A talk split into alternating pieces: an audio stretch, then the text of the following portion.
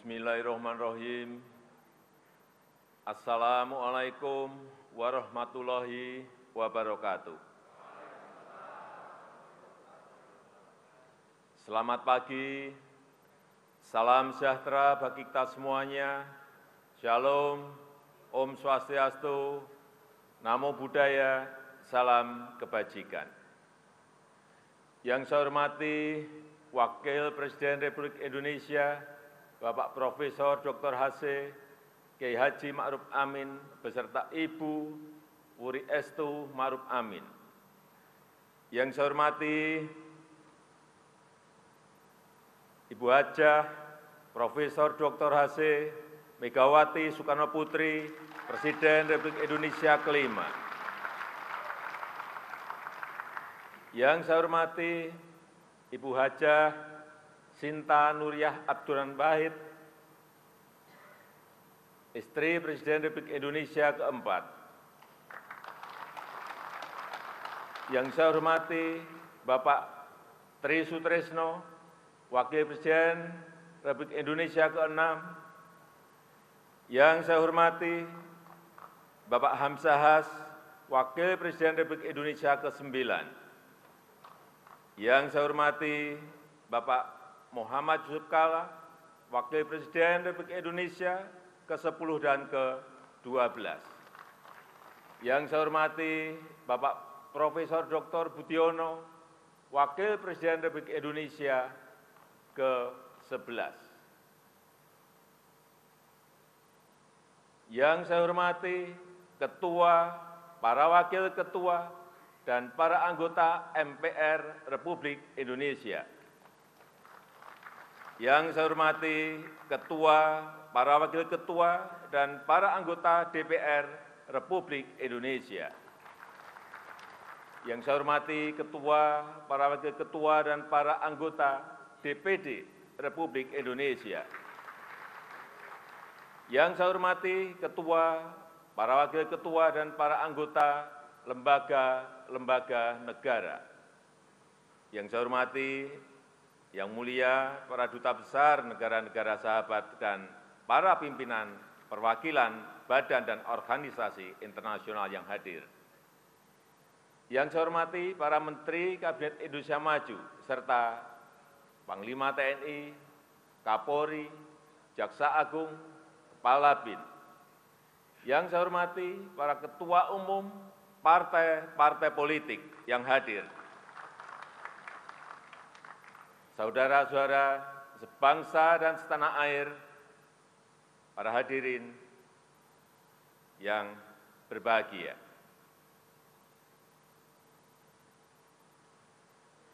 Tantangan yang kita hadapi saat ini sangat berat, sangat sulit, tidak mudah. Semua negara di seluruh dunia sedang menghadapi ujian yang sama. Krisis kesehatan pandemi COVID-19 belum sepenuhnya pulih. Perekonomian dunia juga belum sepenuhnya bangkit. Tiba-tiba meletus perang di Ukraina. Sehingga krisis pangan, krisis energi, dan krisis keuangan tidak terhindarkan lagi. Kita tahu 107 negara terdampak krisis dan sebagian di antaranya diperkirakan akan jatuh bangkrut. Diperkirakan 553 juta jiwa terancam kemiskinan ekstrim dan 345 jiwa terancam kekurangan pangan akut dan kelaparan. Ujian ini tidak mudah bagi dunia dan juga tidak mudah bagi Indonesia. Semua ini harus kita hadapi dengan kehati-hatian, dengan kewaspadaan. Namun, di tengah tantangan yang berat, kita patut bersyukur Indonesia termasuk negara yang mampu menghadapi krisis global ini.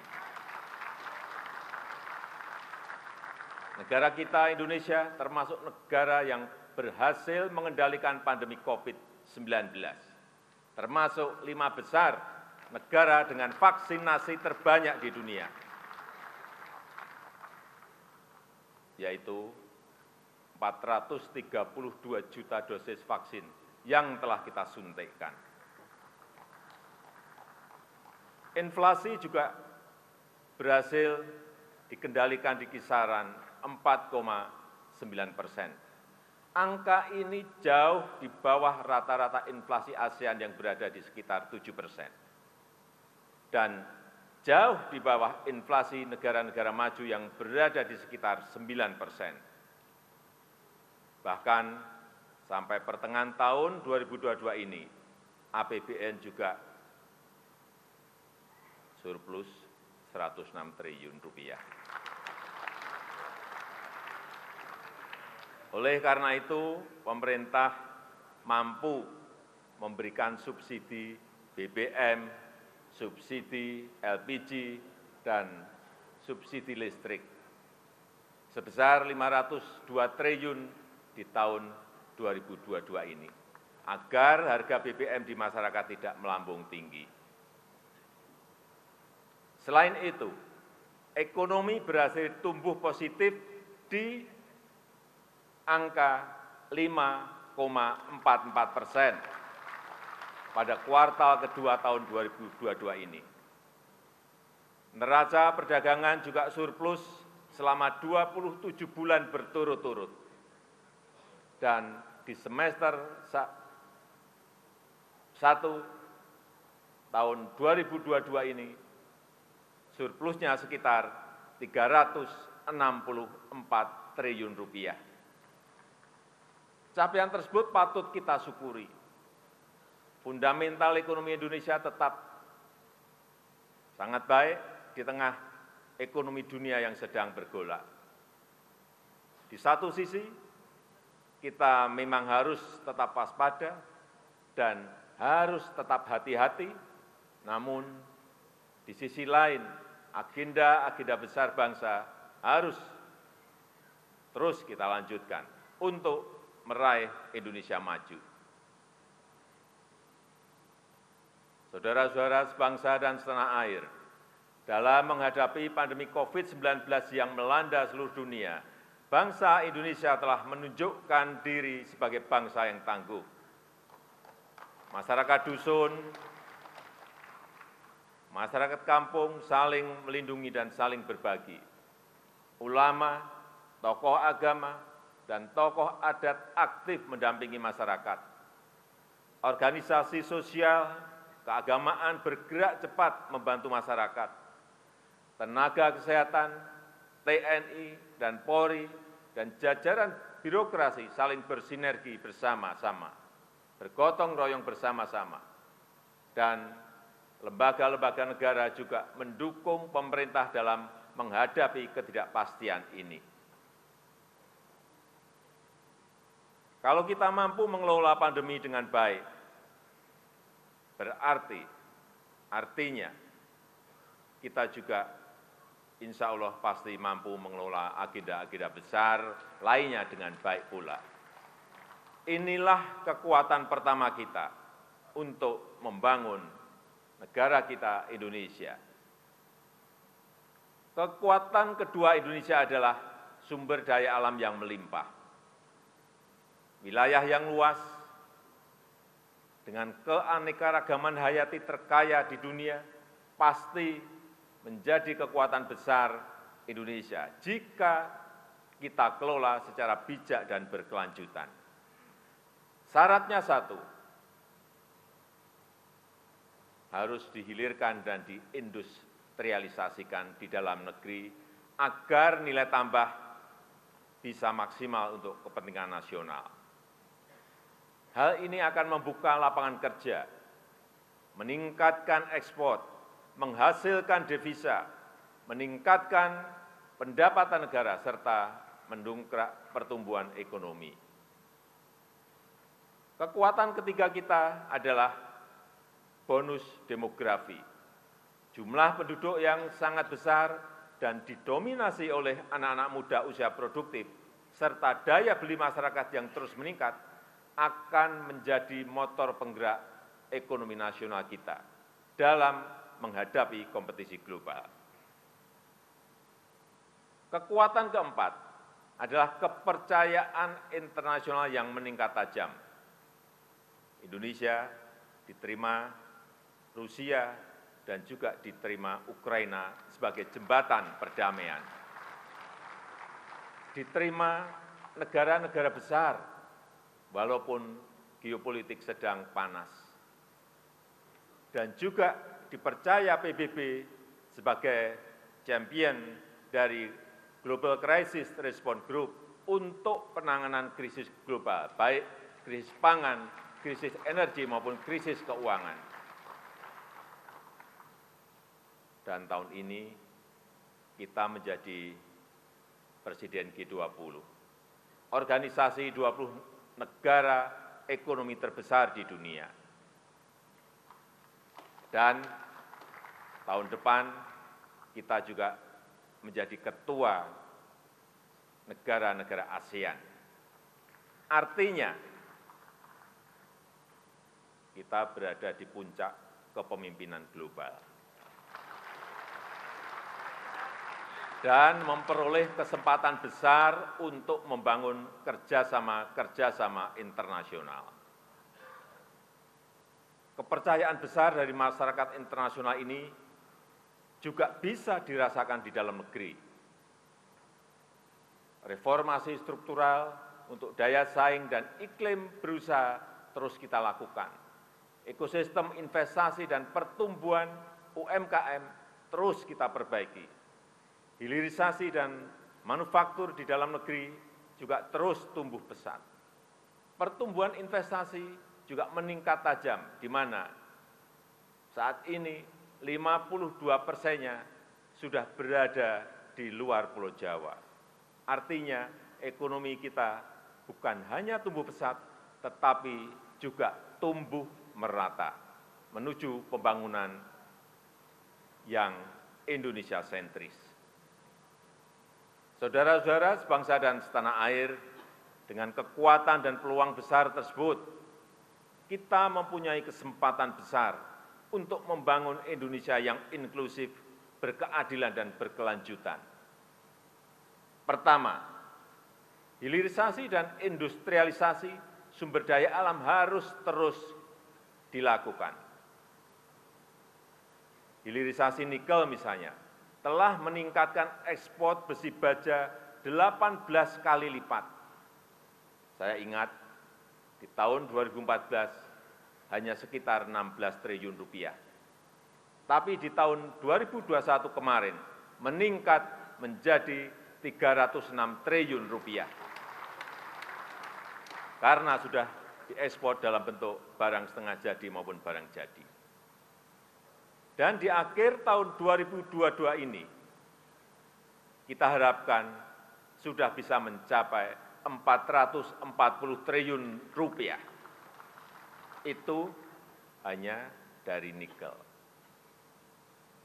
Sekali lagi, itu hanya dari nikel. Selain penerimaan pajak, devisa negara juga naik, sehingga kurs rupiah lebih stabil. Sekarang ini Indonesia telah menjadi produsen kunci dalam rantai pasok baterai litium global produsen mobil listrik dari Asia, dari Eropa, dan dari Amerika ikut berinvestasi di negara kita. Setelah nikel, pemerintah juga akan terus mendorong hilirisasi boksit, hilirisasi tembaga, dan hilirisasi timah. Kita harus berani, kita harus membangun ekosistem industri di dalam negeri yang terintegrasi yang akan mendukung pengembangan ekosistem ekonomi hijau dunia. Yang kedua, selain hilirisasi, optimalisasi sumber energi bersih dan ekonomi hijau harus terus kita tingkatkan. Persemaian dan rehabilitasi hutan tropis dan hutan mangrove serta rehabilitasi habitat laut akan terus dilakukan dan akan menjadi potensi besar penyerap karbon. Energi bersih dari panas matahari, panas bumi, angin, ombak laut, dan energi bio akan menarik industri penghasil produk-produk rendah emisi. Kawasan industri hijau di Kalimantan Utara akan menjadi Green Industrial Park terbesar di dunia. Saya optimis kita akan menjadi penghasil produk-produk hijau yang kompetitif di perdagangan internasional.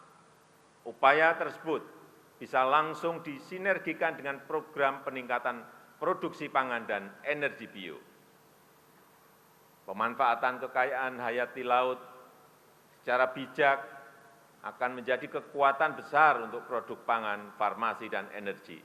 Demikian pula dengan perkebunan kita antara lain kelapa sawit yang telah terbukti menjadi pemasok terbesar CPO dunia. Untuk konsumsi beras,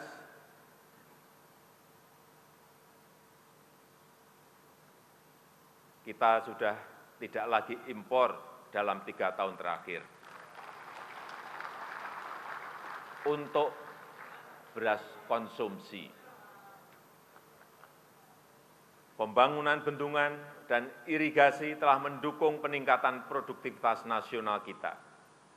Alhamdulillah, kita baru saja memperoleh penghargaan dari International Rice Research Institute yang disaksikan oleh FAO karena kita dinilai mampu mencapai sistem ketahanan pangan dan swasembada beras sejak tahun 2019.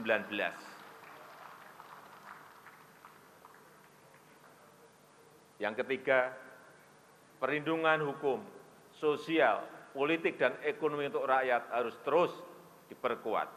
Pemenuhan hak sipil dan praktek demokrasi, hak politik perempuan, dan kelompok marginal harus terus kita jamin. Hukum harus ditegakkan seadil-adilnya tanpa pandang bulu. Keamanan, ketertiban sosial, dan stabilitas politik adalah kunci. Rasa aman dan rasa keadilan harus dijamin oleh negara, khususnya oleh aparat hukum dan lembaga-lembaga peradilan. Demikian juga dengan pemberantasan korupsi terus menjadi prioritas utama. Untuk itu, Polri, Kejaksaan, dan KPK terus bergerak. Korupsi besar di Jiwasraya, Asabri, dan Garuda berhasil dibongkar dan pembenahan total telah dimulai. Penyelamatan aset negara yang tertunda seperti kasus BLBI terus dikejar dan sudah menunjukkan hasil. Skor persepsi korupsi dari Transparansi Internasional juga naik dari 37 menjadi 38 di tahun 2021. Indeks perilaku anti korupsi dari BPS juga meningkat dari 3,88 ke 3,93 di tahun 2022. Penyelesaian pelanggaran HAM berat masa lalu juga terus menjadi perhatian serius pemerintah. RUU, Komisi Kebenaran, dan Rekonsiliasi sedang dalam proses pembahasan. Dan tindak lanjut atas temuan Komnas HAM masih terus berjalan. Kepres pembentukan tim penyelesaian non-yudisial pelanggaran HAM berat masa lalu juga telah saya tanda tangani. Saudara-saudara sebangsa dan setanah air, saya tekankan reforma agraria, perhutanan sosial, dan sertifikasi tanah harus terus dilanjutkan. Berbagai macam bantuan sosial akan terus dilanjutkan dengan sinergi dan data yang lebih baik. Program pelatihan dan bantuan untuk para pekerja akan terus ditingkatkan. Program-program ini menjangkau nelayan, petani, buruh, pekerja informal, dan penyandang disabel. Tentang disabel kita juga baru saja menjadi tuan rumah ASEAN Para Games di Solo dan Alhamdulillah kita menjadi juara umum. Yang keempat, UMKM harus terus didukung agar bisa segera naik kelas. Digitalisasi ekonomi yang telah melahirkan dua dekakorn dan sembilan unicorn terus kita dorong untuk membantu pemberdayaan usaha mikro, kecil, dan menengah. 19 juta UMKM telah masuk dalam ekosistem digital dan ditargetkan sebesar 30 juta UMKM akan masuk ekosistem digital pada tahun 2024. Berbagai bantuan pendanaan murah juga terus dilanjutkan Penayangan produk UMKM di e-katalog pemerintah juga diharapkan akan menyerap produk UMKM. Di saat yang sama, kewajiban APBN, APBD, dan BUMN-BUMN untuk membeli produk dalam negeri juga akan terus didisiplinkan. Kelima, pembangunan ibu kota Nusantara terus harus dijaga keberlanjutannya. Hanya untuk para asn tetapi juga para inovator dan para wira usahawan bukan hanya berisi kantor kantor pemerintah tetapi juga motor penggerak ekonomi baru. Bukan kota biasa tetapi kota rimba dengan pelayanan pendidikan dan kesehatan kelas dunia. Kawasan inti pusat pemerintahan memang dibangun oleh apbn tetapi selebihnya 80 persen investasi swasta diundang untuk ikut berpartisipasi. Saudara-saudara sebangsa dan setanah air, semua agenda tersebut harus ditopang oleh manusia Indonesia yang unggul. Untuk itu, di bidang kesehatan, stunting harus cepat dipangkas. Layanan promotif dan preventif serta layanan pengobatan harus semakin kuat dan merata akses anak usia didik terhadap layanan pendidikan dan layanan yang berkualitas harus terus diprioritaskan. Para siswa dan mahasiswa harus dikenalkan pada dunia kerja sejak dini. Minat anak di bidang sains, teknologi, seni, dan olahraga harus didukung dan diapresiasi. Oleh karena itu, budi pekerti yang luhur, ideologi Pancasila, Bhinneka Tunggal Ika dan patriotisme merupakan pilar utama. Seni dan tradisi lokal dengan semangat kebangsaan harus terus digairahkan. Karya sastra dan film, karya seniman muda harus terus didukung. Dana abadi kebudayaan akan terus kita tingkatkan sesuai kemampuan fiskal pemerintah. Adapun untuk tahapan pemilu yang sedang dipersiapkan oleh KPU, harus kita dukung sepenuhnya. Saya ingatkan, jangan ada lagi politik identitas, jangan ada lagi politisasi agama, jangan ada lagi polarisasi sosial. Demokrasi kita harus semakin dewasa, konsolidasi nasional harus diperkuat, dan terima kasih kepada ulama, tokoh agama, tokoh masyarakat, dan tokoh kebudayaan yang telah berkontribusi besar memperkokoh fondasi kebangsaan kita, serta merawat persatuan dan kesatuan nasional. Saya juga mengharapkan dukungan dari semua lembaga, lembaga negara untuk menjaga dan membangun demokrasi di negeri kita ini, untuk memperkokoh ideologi bangsa, saya menghargai upaya MPR dalam mendorong pengamalan Pancasila, mengkaji substansi dan bentuk hukum pokok-pokok haluan negara, serta menggagas kerjasama internasional dalam mengatasi permasalahan global. Dukungan DPR dalam menghadapi krisis kesehatan dan perekonomian telah mampu membantu pemerintah dpr telah mendukung beberapa transformasi besar antara lain undang undang ikn dan undang undang harmonisasi peraturan perpajakan serta undang undang tindak pidana kekerasan seksual. DPD sesuai dengan kewenangannya telah ikut berperan dalam menyusun beberapa rancangan undang-undang, terutama terkait dengan otonomi khusus dan pembentukan provinsi-provinsi baru. Reformasi pelayanan hukum di Mahkamah Agung terbukti telah meningkatkan kualitas penyelesaian perkara. MA terus mengedepankan keadilan restoratif. MA juga telah meningkatkan akses pelayanan hukum yang berkeadilan bagi masyarakat. Mahkamah Konstitusi telah meningkatkan pelayanan penegakan konstitusi secara efektif. Sistem peradilan berbasis elektronik semakin memudahkan akses masyarakat. Peran MK sebagai tuan rumah Kongres MK sedunia juga patut diapresiasi. BPK telah menjaga sinergi antara kualitas tata kelola keuangan negara dan fleksibilitas dalam menghadapi krisis. Ini sangat membantu pemerintah. Rencana penggaraan Supreme Audit Institution SAI 20 juga semakin memperkokoh kepemimpinan Indonesia di G20. Komisi Yudisial terus memberikan layanan prima dalam mengawal peradilan yang bersih dan berwibawa. Penanganan laporan masyarakat terkait lembaga peradilan telah membantu memberikan rasa keadilan kepada masyarakat. Saya juga mengucapkan terima kasih kepada lembaga-lembaga nasional yang lain sesuai wewenang dan perannya. Terima kasih kepada Bank Indonesia, Otoritas Jasa Keuangan, dan lembaga penjamin simpanan.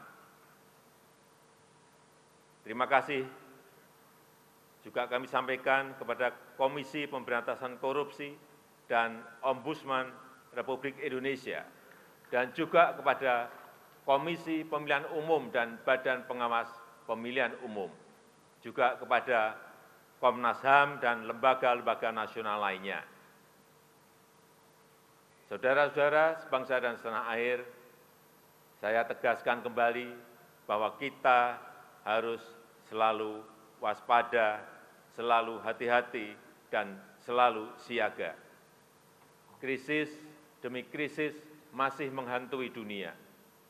Geopolitik dunia mengancam keamanan kawasan.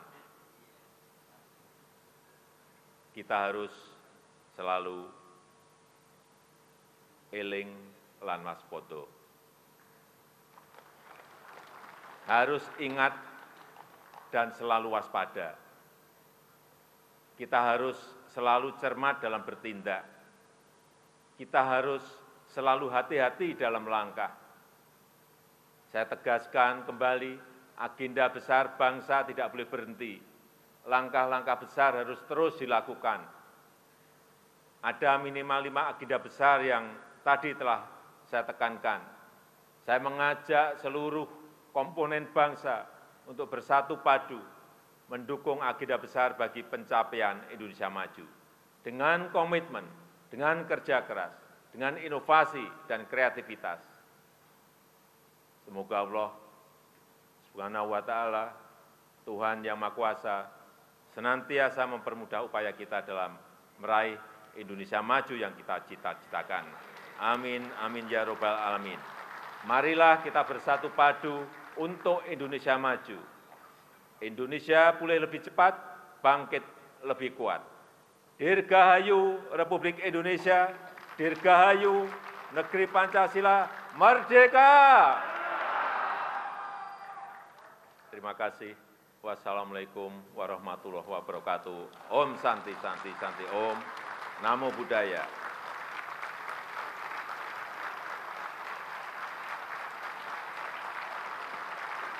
Dan